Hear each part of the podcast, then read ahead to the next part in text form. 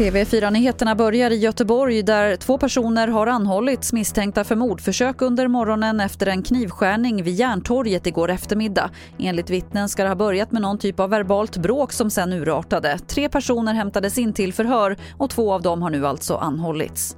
Så till USA där president Donald Trump skrevs ut från sjukhuset i natt. Och I ett uttalande säger han att man inte ska vara rädd för covid-19. Men uttalandet får kritik från flera håll.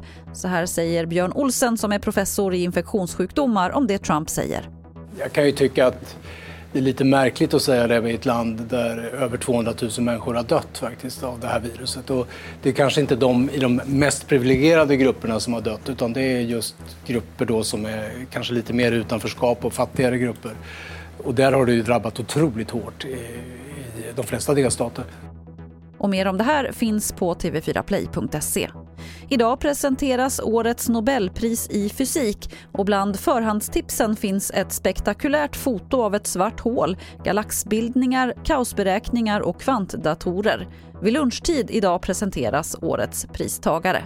Det var det senaste från TV4 Nyheterna. Jag heter Lotta Wall.